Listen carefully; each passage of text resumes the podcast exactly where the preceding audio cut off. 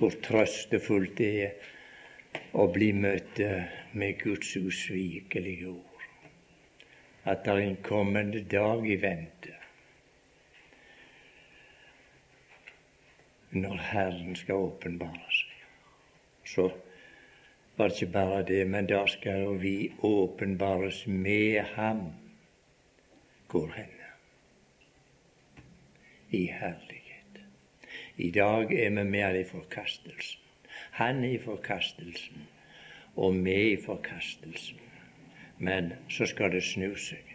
Og jeg leser her av en om, om en frelse som er ferdig til åpenbarest i den siste tid. Det er det siste leddet, og så er vi over. Siste, siste fortøyningen går når Han kommer. Og det heter her i Guds ord det salige håp. Og jeg tenker mange ganger for min egen del Tenk om vi ikke skulle hatt dette løftets ord. Hvor vi hadde vandra. Tenk på all den forvirring der er nå når vi har Guds ord. Hvordan skulle det ikke vært da hvis det ikke var? Så hadde vi levd i uvitenhet. Men eh, nå har vi anledning til å ha viten om dette. Og det er det vi samler for i dag òg. Og glede oss over det Gud har gitt oss. Så vil vi fremdeles, Herre vår Gud, være i bønn til deg. At vi får se det stort dette å være barn av Gud og ha denne herlige utsikt i vente, at du skal åpenbare deg. Og så skal vi åpenbares med deg i herlighet. Jeg har lyst, Herre, for min egen personlige del å be med salmisten. La min munns ord og mitt hjertes tanke være til velbehag for deg Herre, min klippe og min gjenløser. Vil du la Den hellige ånd få innflytelse over våre hjerter, at vi får ta imot det livets ord du har gitt oss, Herre. Alt oss inne ved livskilden, der som vi kan holde oss friske, Herre, og få ete igjen av dette livets brød som vi finner her i ditt ord. Vi takker deg for anledningen. Må det være til ære og til velbehag for deg, har vi lyst til å be om i Jesu navn. Skal vi lese i lag fra Høysangen?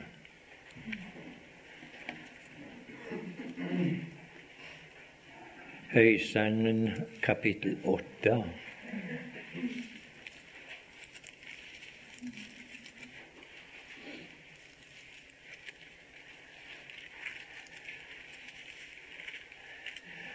Nå vet vi at eh, alle bøker i Bibelen har sitt, kan vi si, sin særlige guddommelige karakter som blir, blir fremsatt i alle Bibelens bøker. Høysangen av sinn. Og det, det er ei underlig bok, så som alle Bibelens bøker er. I den bok finner du ikke et ord om synd. Det forekjem ikke. Ikke et ord om forlatelse.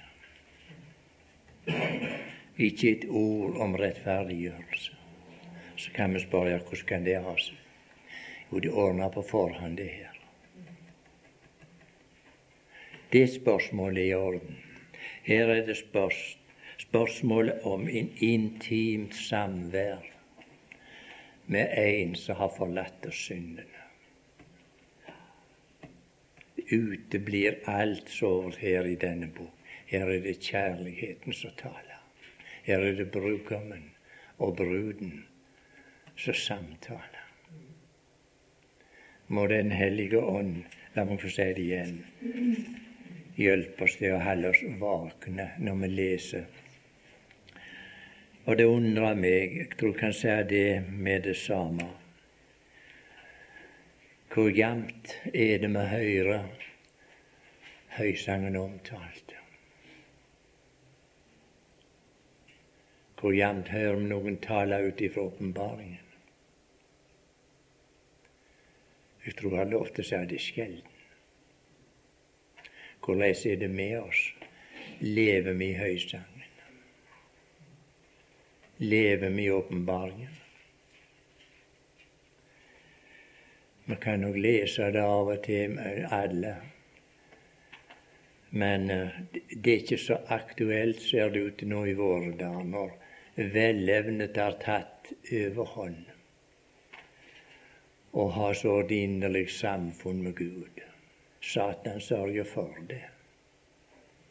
For han vet at uh, leser folk åpenbaringen, så vil de jo finne hans endelig. Og det prøver han å holde skjult. Og dens endelig så vanværer evangeliet.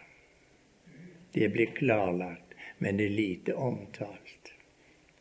Men her i høysangen her er det guddommelige kjærlighet som blir skildra for oss. Og skal vi få noe av høysangen, så må vi ha et inderlig godt forhold til Gud. Et varmt forhold. Ellers så liksom det flyter vekk for oss. Men at sjela står i en inderlig kontakt med Gud. Se høysangen. Ja, det er sagt om, om høysangen. Det er sangenes sang. Blant de 105 sanger så er dette sangenes sang. Han synger om kjærlighet. Og det er to parter, en brud og en brudgom. Skal vi lese ifra kapittel åtte og i vers seks. Vi bryter inn midt i verset, i vers seks. For sterk som døden er kjærligheten. Hår som dødsriket er kjærlighetens nikkerhet. Sterk som døden er kjærligheten. Det er ikke kjærlighet som vi taler om, som er sterk som døden.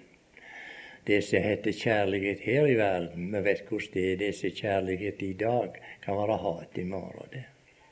Sånn er det med forholdet med det her i verden.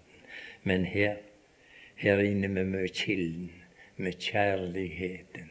Og om den står det sterk som døden er kjærligheten. Og i en eldre oversettelse står det hård som helvete er dens nikkerhet. Man kan si det med sikkerhet. Her har vi lest om krefter som alle kjenner til, og som er ubøyelige har vært i dag, men det kommer en dag når de skal bøyes. Tal til døden i dag. Gå til grava. Du kan gråte, du kan be.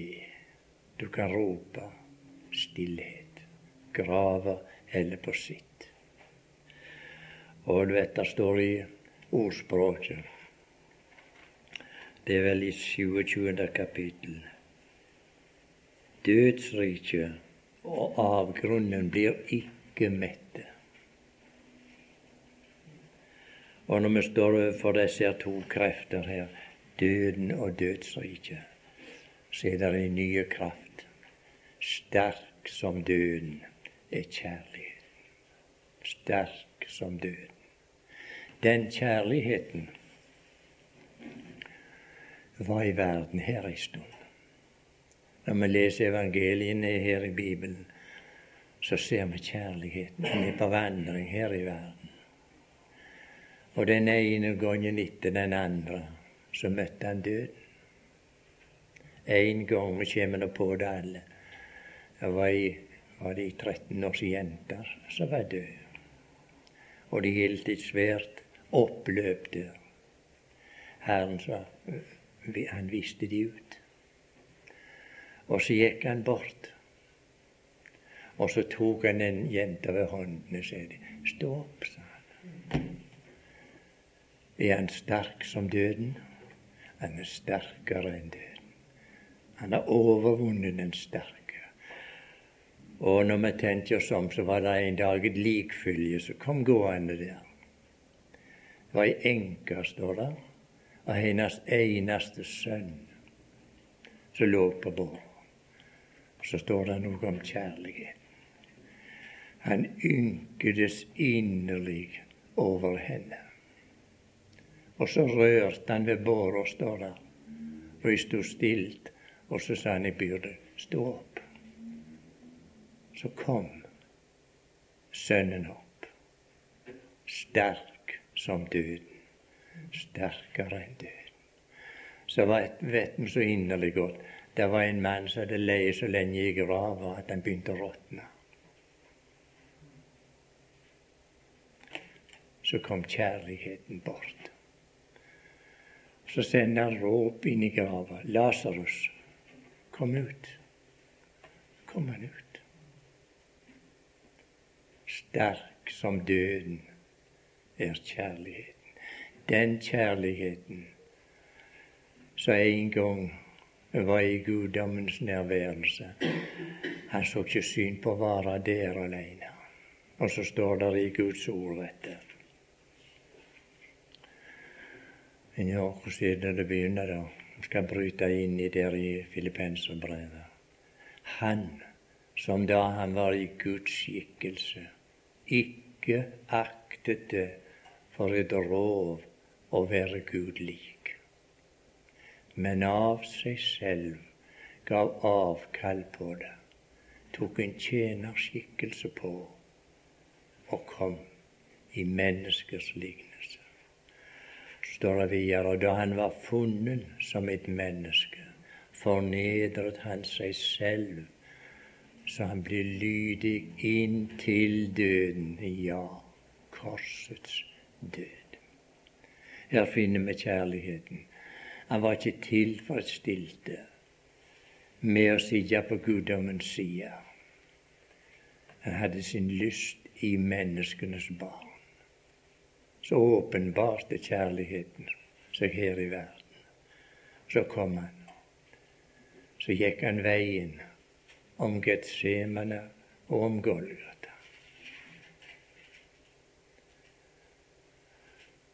Burde vi ikke oppholde oss der ved Getsemane og Golgata og se når kjærligheten var her i verden? Hvorfor kom? Han, han hadde ikke brud. Vi leser så rørende i, i første Mosebok om, om tjeneren når han var ute og skulle finne en brud til Isak. Så er det vel ofte noe vi glemmer der når vi leser den beretningen. Det var ikke verken tjeneren eller Isak som fant opp dette. Men du, det var et farshjerte bak det var Abraham. Så ordna vi det. Han som hadde omsorg for at hans sønn skulle ha en brud. Og så sendte han tjener. At han skulle gå til hans land og til hans folk og finne en brud. For vi husker på Isak var enslig, han der i hjemmet, og han var rik. Det står i samme kapittel at Abraham ga han all sin eiendom. Men det var noe som fattes i Isaks tilværelse, og det var en brud. Går våre tanker nå hva som sto bak brudgommen som kom? Jo, det var et farshjerte.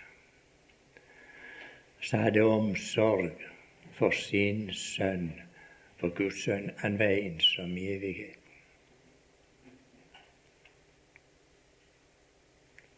Og så skulle han ha en brud til sin sønn.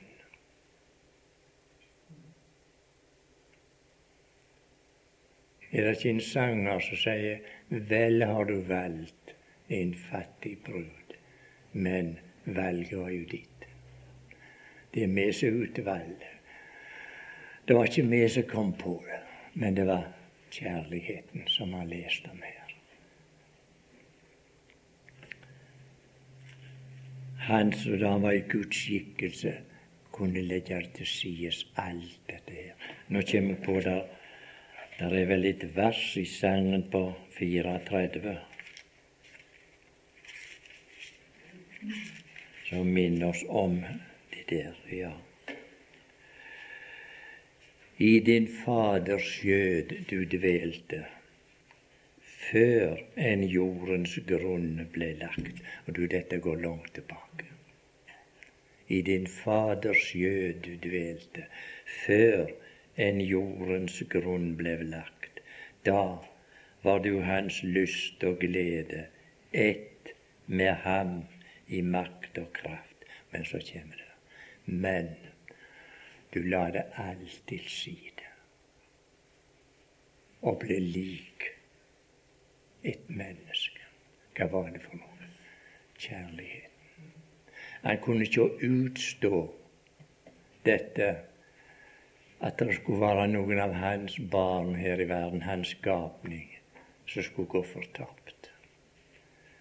Og så fant Gud råd. Så sendte han sin sønn i syndig kjødslignelse og for syndens skyld. Og så står det her det er det som forundrer og som skal forundre oss i all evighet. Guddommen. Han satt på sida på sin fars guddomstrone. Men du la det alt til side og ble lik et menneske.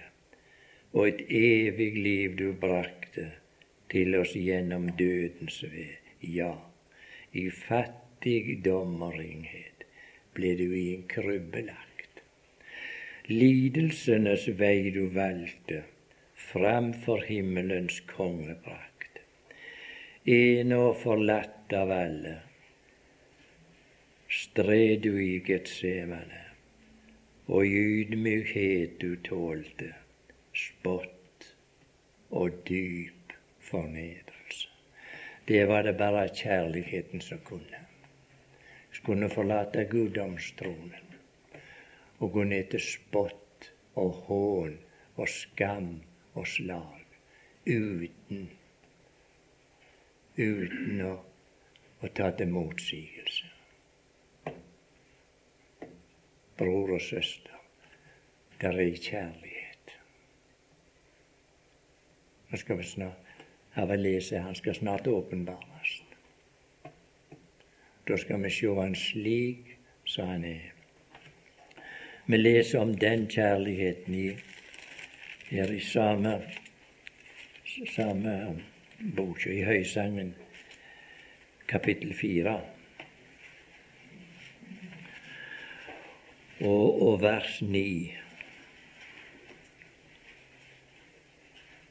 Og nei og nei, for et, for et under. Du har vunnet mitt hjerte min søster, min brud. Du har vunnet mitt hjerte med et eneste øyekast. Og her kan vi spørre hva er det som ved bruden da som har vunnet hans hjerte? Her er vi inne med noe ingen av oss kan svare på det. Men det er en kjensgjerning. Du har vunnet mitt hjerte min søster, min brud. Der er en som sa det på den måten. Gud har tapt sitt hjerte til verden. Det stemmer med dette ord. Tenk, han har tapt sitt hjerte til verden.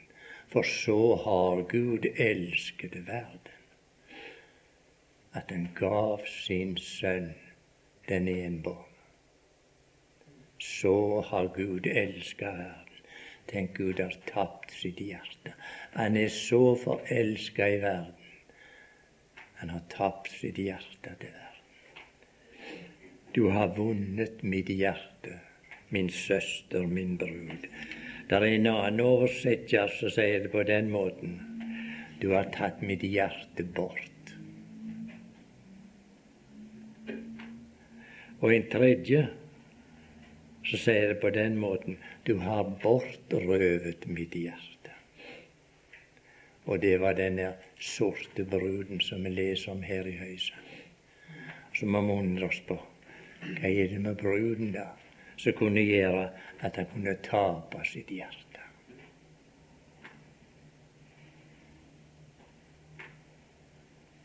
Måtte det bøye våre hjerter i tilbedelse og beundring at det kan si slik om syndere i denne verden, at Gud har tapt sitt hjerte, så forelska i synderen at han tapte sitt hjerte.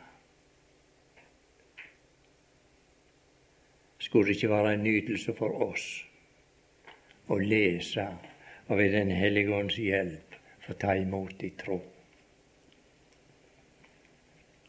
Gud så elska oss. Ikke bare han elska den gangen, men det står om Han som elsker oss. Og fortsatt elsker oss. Måtte Gud gi at vi måtte vandre her som Hans elskede brud. At vi lever i det forholdet med Han. Du har vunnet mitt hjerte, min søster min brud. Og hvis dette var mer enn sannhet i våre hjerter, så skulle det ikke være så mye om å gjøre for oss å leve verken for oss sjøl eller for verden, men leve for Han, hvis kjærlighet er sterkere enn døden. Og så gikk i døden for oss, uten motsigelse Og så la han til sides sin herlighet og verdighet. Men det var noe i fars hjerte som ville at hans sønn skulle ha ei brud og dele all den herligheten med. Det var sikkert ikke så interessant for Isak å være alene der og, og nyte sin fars rikdom og godhet. Men det kom en dag da han fikk en brud. Og han gikk i møte med den bruden. Hvordan er det med den himmelske brudgom? Har han snart reist seg og går til møte? Han som sendte sin røst inn i gravene. Her står han skal sende ut i bydende råp så skal han kalle til seg alle de som på grunn av dødens hårhet er i gravene. Men det kommer en dag når, når denne brudgommen skal rope bruden inn. Vi leser vel noe i, i annet kapittel i, her i Høysangen, i kapittel to. og vers 10. Min elskede tar til orde og sier til meg, stå opp, min venninne, du min fagre, og kom ut. Stå opp, du min venninne, og kom ut. Og så kommer han med den, den forfriskende beskjeden. For se, nå er vinteren omme. Nå er vårens tid kommet. Der kommer en dag når han skal kalles opp på denne kalde, mørke, triste verden. Når trengselstid er omme. Og vi kan vel si med all sannhet det er vinteren vår, det her. Her er sorg, her er bekymring. Ja, hva det ikke er en dag et rop. Stå opp, min elskede, og kom. Nå er vinteren slutt. aldri mer vinter, men da i den evige vår ser oss i vente. Skal vi gå tilbake til kapittel 8 og lese videre der? I, i vers 6. Hår som døden, hår som, som dødsriket, sterk som døden, er kjærligheten. Hår som dødsrik er dens nikerhet. Dens glød er som ildens glød, en Herrens lue. Mange vann kan ikke utslukke kjærligheten. Måtte dette sytja i våre hjerter. Mange vann kan ikke utslukke kjærligheten, og strømmer ikke overskylle den. Nå taler Salme 69 til mitt hjerte angående den sak. Skal vi slå opp der i Salme 69 og lytte til kjærligheten når han er på de dype vann, så er det tale om. Mange vann kan ikke utslukke kjærligheten. Skal vi lese i lag noen vers fra Salme 69? Her er det kjærlighetens sang. Når kjærligheten er på dypet, skal vi sjå om vannene kunne utslutte kjærligheten. Vi har nettopp lest at mange vann kan ikke utslukke kjærligheten. Her sier Frels meg, Gud, for vannene er kommet inn til sjelen. La oss legge merke til når vi leser i Salmenes bok.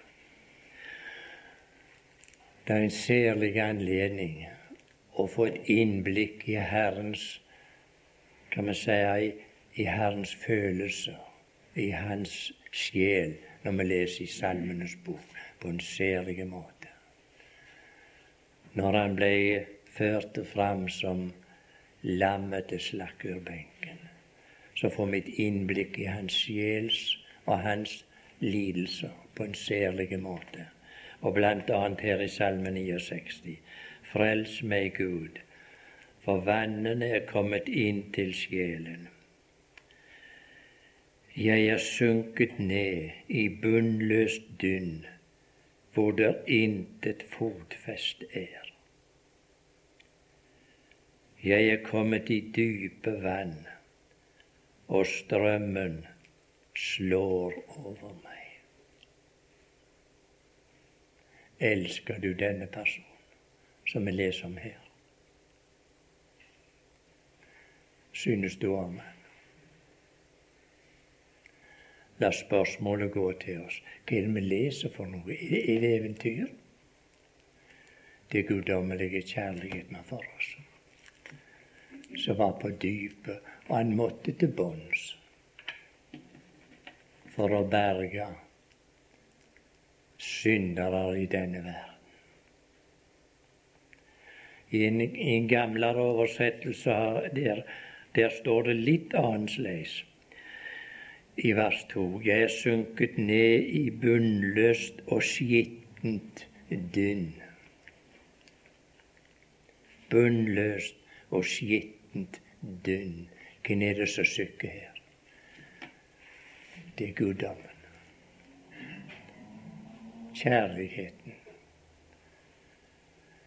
Vi har såpass kjennskap til Evjebotn, alle vil jeg tro, at vi vi gruer for den. For det er ikke bunn, sier vi. Her var en Som var på syndens bunn. Og han måtte like der ned for å få tak i deg og meg. Mange vann kan ikke utslukke kjærligheten. Og strøm ikke overskylle den. Her strømde det over alt. Men han ble ikke varende der. Vi fortsetter å lese. I vers fire. Jeg har ropt meg trett, min strupe brenner, mine øyne er bortært idet jeg venter på min Gud. Flere enn hårene på mitt hode er de som hater meg uten årsak. Tallrike er de som vil forderve meg, og mine fiender uten grunn. Det jeg ikke har røvet, skal jeg nå gi tilbake. Gud, du kjenner min dårskap, og all min syndes skyld er ikke skjult for deg. Her klager han for dårskap og syndeskyld. Hvor har han fått det ifra? da? Han som kom ifra guddomstronen, reine, hellige. Og her klager han for all min dårskap og min syndeskyld. Her er kjærligheten belasta med dårskap og syndeskyld. Hvor er det kommer ifra, da? Hører deg og meg til det? Her har han tatt det som sitt. Og det står vet i Guds ord han blir gjort til synd for oss for at vi i ham skulle være rettferdige for Gud. Kan du høre hans klage her når han ber syndene dine og mine? Gud, du kjenner min dårskap, og all min syndeskyld er ikke skjult for deg. La dem ikke bli til skamme ved meg, de som bier etter deg, Herre. Herre, herskarenes Gud, La dem ikke bli til spott ved meg, de som søker deg, Israels Gud.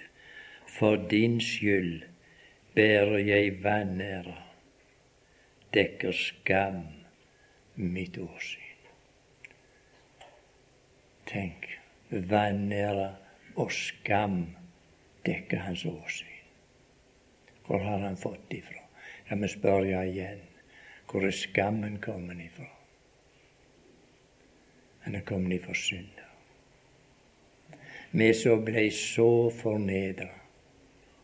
Vi falt i synd, og vi er fornedra den dag i dag. Men så har Gud lovt oss dette skal oppheves en dag. Når vår fornedrelseslegeme skal bli gjort lik med hans. For vi bærer fornedrelsens og skammens tegn på oss alle på grunn av synd. Og her leser vi om Han som ble gjort til synd for oss. For din skyld bærer jeg vanære, dekker skam mitt åsyn. Jeg blir fremmed for mine brødre og en utlending for min mors barn. Vi vet han kalte Israels folk for sine brødre. Jeg blir fremmede for disse, og for mors barn. Fremmede. Og vi vet Guds ord sier det var noen som er fremmede og utlendinger her i verden. Vi leser om i Hebreerne 11 om de som var fremmede og utlendinger. Og så er noen her i dag med så under tak her. Må vi aldri glemme at vi er fremmede og utlendinger. Vi hører ikke hjemme her. Vi har et annet fedreland som vi venter på. Vi leser videre. Jeg er blitt fremmed for mine brødre og en utlending for min mors barn.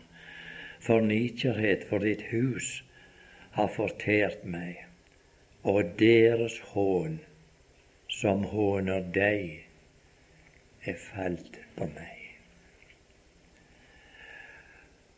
Og min sjel gråt mens jeg fastet, og det ble meg til spott og jeg gjorde sekk til mitt gledebånd, og jeg ble dem til et ordspråk. De som sitter i porten, snakker om meg, og de som drikker sterk drikk, synger om meg. Men Jeg kommer med min bønn til deg, Herre, i nådens tid.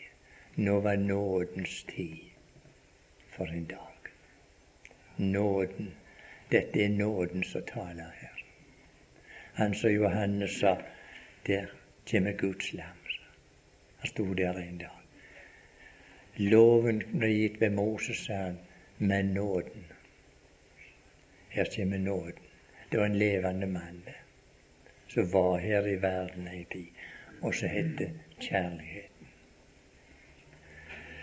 Her leser vi om en Herre i nådens tid, Gud. For din megen miskunnhet, svar meg med din frelsende trofasthet så er det et par vers der når vi leser det 15. og det 16. Må det gå oss til hjertet og lytte til Guds sønns råd når han er nede i dypet. Redd meg ut av dynnet, og la meg ikke synke. La meg bli reddet fra dem som hater meg, og fra de dype, dype vann. Hva var det for den rene, guddommelige person? Og så var han nede i dette djupa, skitne dynnet. Kan undre seg på at han roper. Redd meg ut av dynnet, og la meg ikke synke. La meg bli reddet fra dem som hater meg, og fra de dype vann. La ikke vannstrømmen slå over meg, og ikke dypet sluke meg, og la ikke brønnen lukke sitt gap over meg. Kan jeg spørre igjen, elsker du denne mann?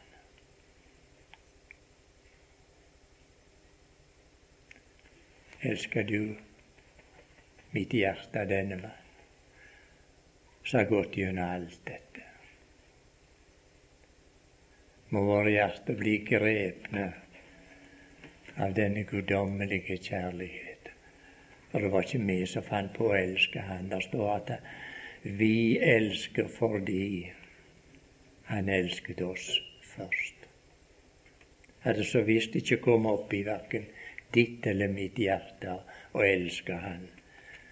Men det var Han som elsket oss, og så forlot guddomstronen ens æren for at du skulle ha en brud og dele all sin herlighet med i evighet. Vi leser videre. Svar meg, Herre.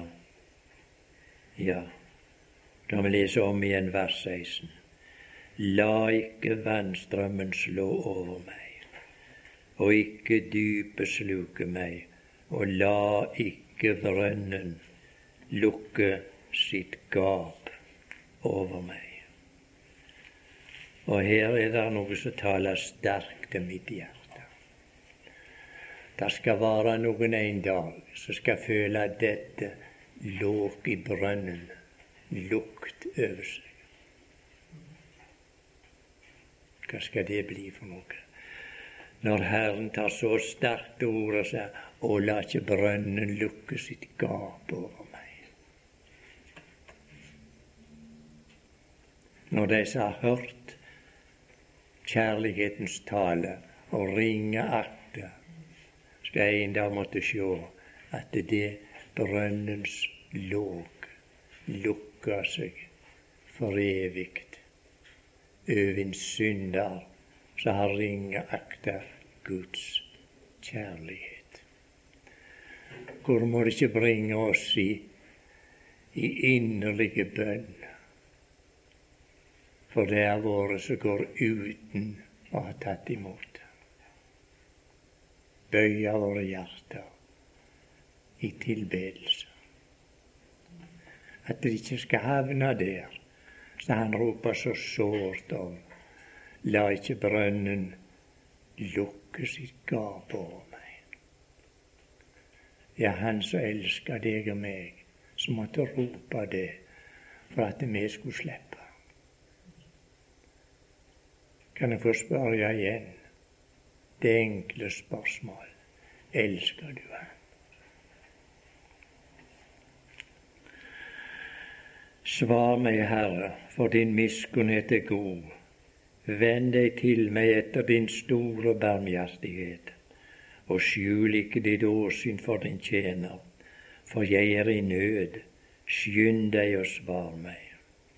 Kom ned til min sjel, forløs den, frels meg for mine fienders skyld.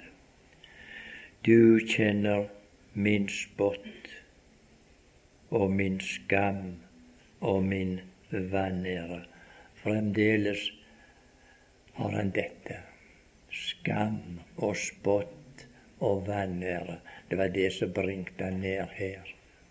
For han tok de og mi vanære. De og min, din og min spott og mine synder. Uten motsigelse. Og så gikk han i disse dommens vann og var på bånn er det Jonas' bok vi leser om. Det er et forunderlig uttrykk Jonas i bønn. Han var sunket ned, sa han, til havets dyp. Og der står så gripende Tang har omviklet mitt hode. Hvor er det tangen vokser?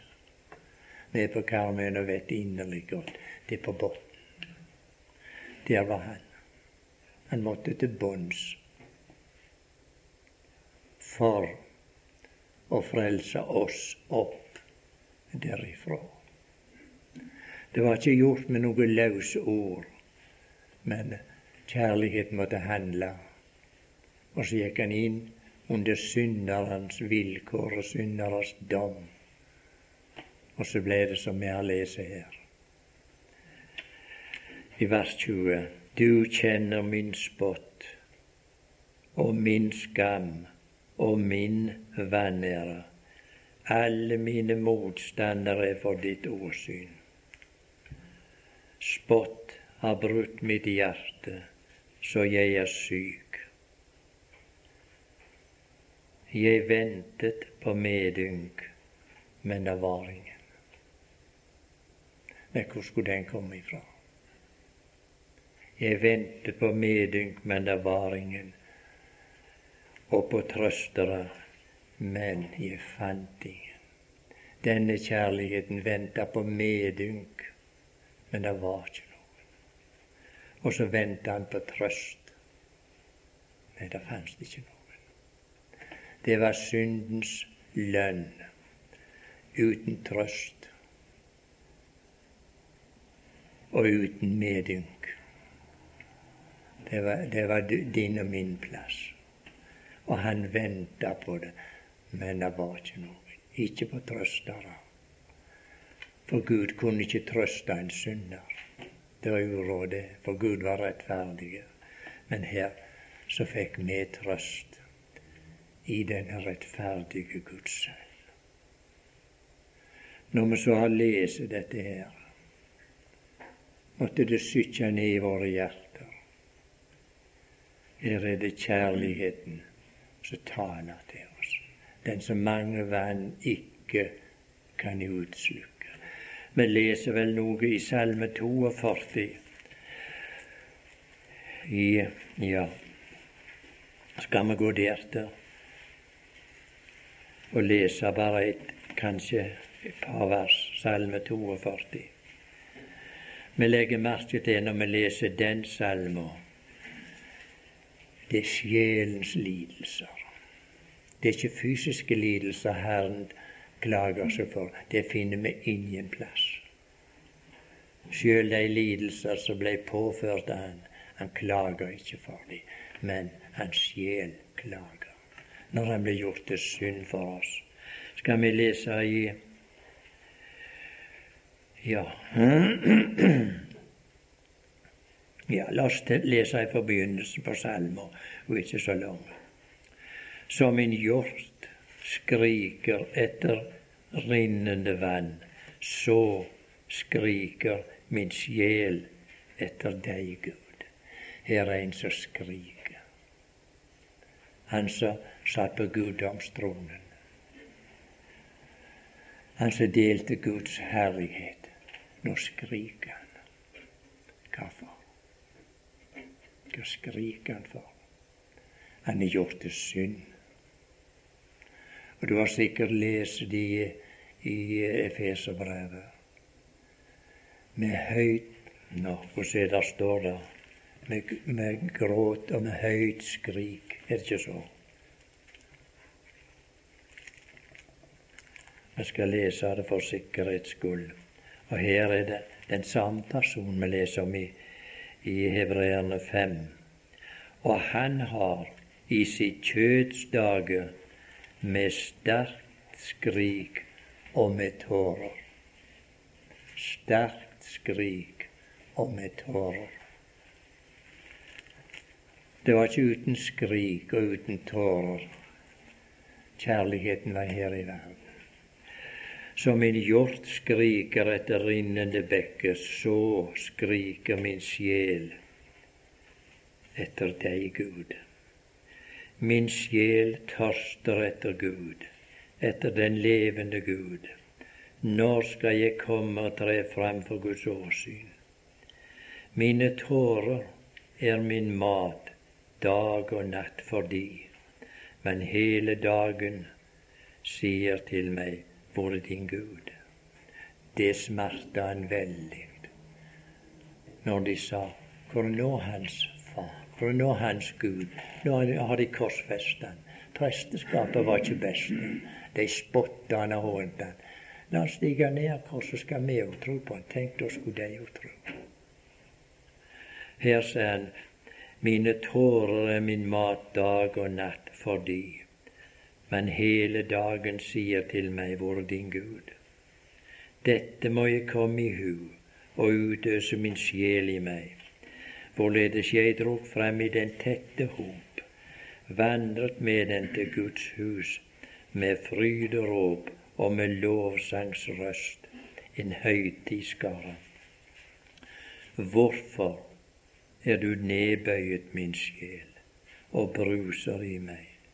Be etter Gud, for jeg skal ennå prise ham for frelse fra hans åsyn. Min Gud, min sjel er nedbøyet i meg. Ser vi vers for vers er det min Gud, min sjel.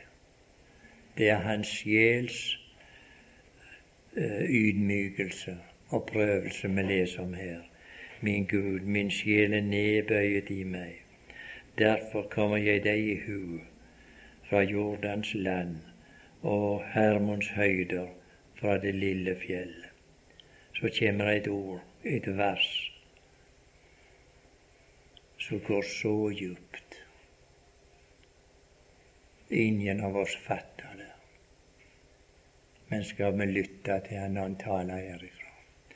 Vanndyp kaller på vanndyp ved duren av dine fossefall. Hvem sine fossefall er der tale om det? Guddommelige. Det er Guds vredes fossefall han står innunder nå. Og vi, vi forstår det at det var tilintetgjørelse, det, å være under Guds vredes fossefall. Vanndyp kaller på vanndyp ved duren av dine fossefall, alle dine brenninger og dine bølger går over meg. Skal vi gjenta det lille spørsmålet elsker du denne mannen? Hvorfor elsker du han? Hvorfor elsker du han mitt hjerte? Fordi han elsker meg først. Her, her finner man han som har lest om mange vann kan ikke utslukke kjærligheten. Ikke engang Guds vredes fossefall kunne utslukke denne kjærlighet. For Gud sparte ikke For Gud, det var den eneste gangen Gud kunne la sin rettferdighet skje fyllest. Det var over sin sønn, som sto der i synderens plass. Og det kjenner like godt som jeg Det behaget Herren å knuse ham. Tenk, knuse ham. Han måtte knuses, og det behaget Herren. Og det var det fars hjerte som står bak. Skaffe sin sønn i brud. Jeg kan ikke si mer om deg.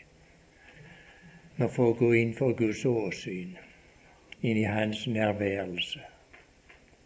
Og da skal vi ikke bli av mange ord. Det er akkurat det samme. Vi kan sitte der tiende og kan spørre hva var det Gud som gjorde at du kunne finne en sådan brud til din sønn?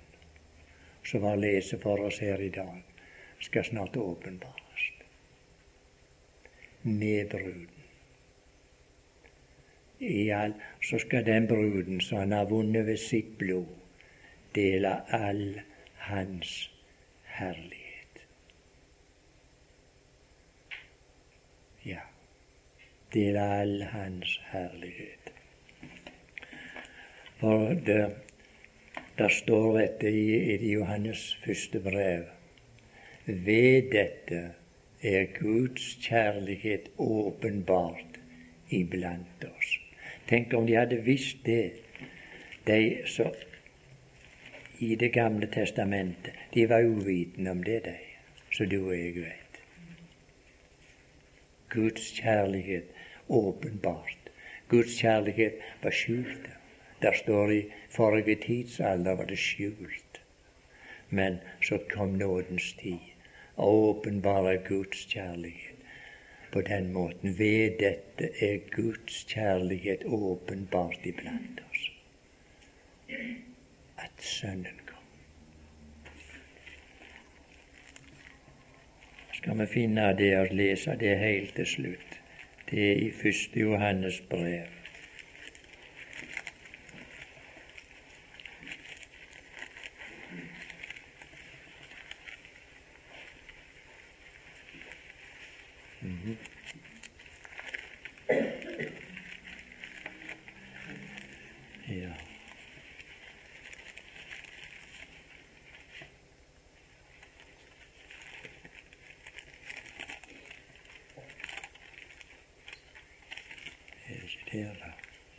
Ja, ved dette er Guds kjærlighet åpenbart iblant oss, at Gud har sendt sin sønn.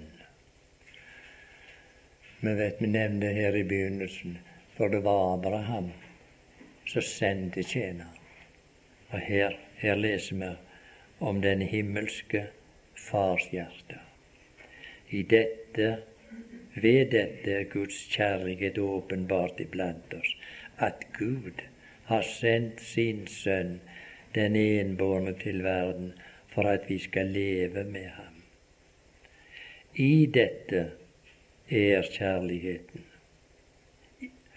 Ikke at vi har elsket Gud, men at Han har elsket oss og sendt sin Sønn til soning for våre synder. At Gud har sendt sin Sønn til soning for våre synder. Vers 8. Den som ikke elsker, kjenner ikke Gud. Tenk, så enkelt, men så klart. Den som ikke elsker, kjenner ikke Gud. For Gud er kjærlighet. Herre vår Gud, vi har lyst til å takke deg for det ordet som du har gitt oss. Du hjelper oss til, Herre, ved Den hellige ånd, at vi kan komme inn i, ditt, i din nærværelse og få leve i samfunn med deg, Herre, og nyte dette at du valgte oss til din sønns brud. Du var det fars hjerte bak, så ordna med at din sønn skulle ha samfunn i all evighet.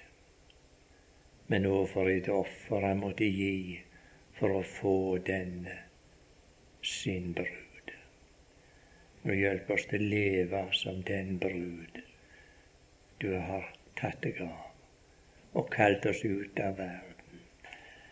At vi ikke må vikle oss inn i denne verdens ting, men mer og mer leve i erkjennelse av at vi er fremmede og utlendinger, og vi er på reis, og at vi snart skal møte brudgommen.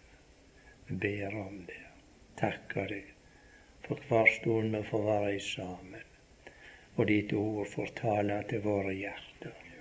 Må det være til ære og pris for deg å kunne være at våre samvær må være til glede for dette fars hjerte, som har gitt oss denne sin elskede sønn. Vi takker deg i Jesu navn.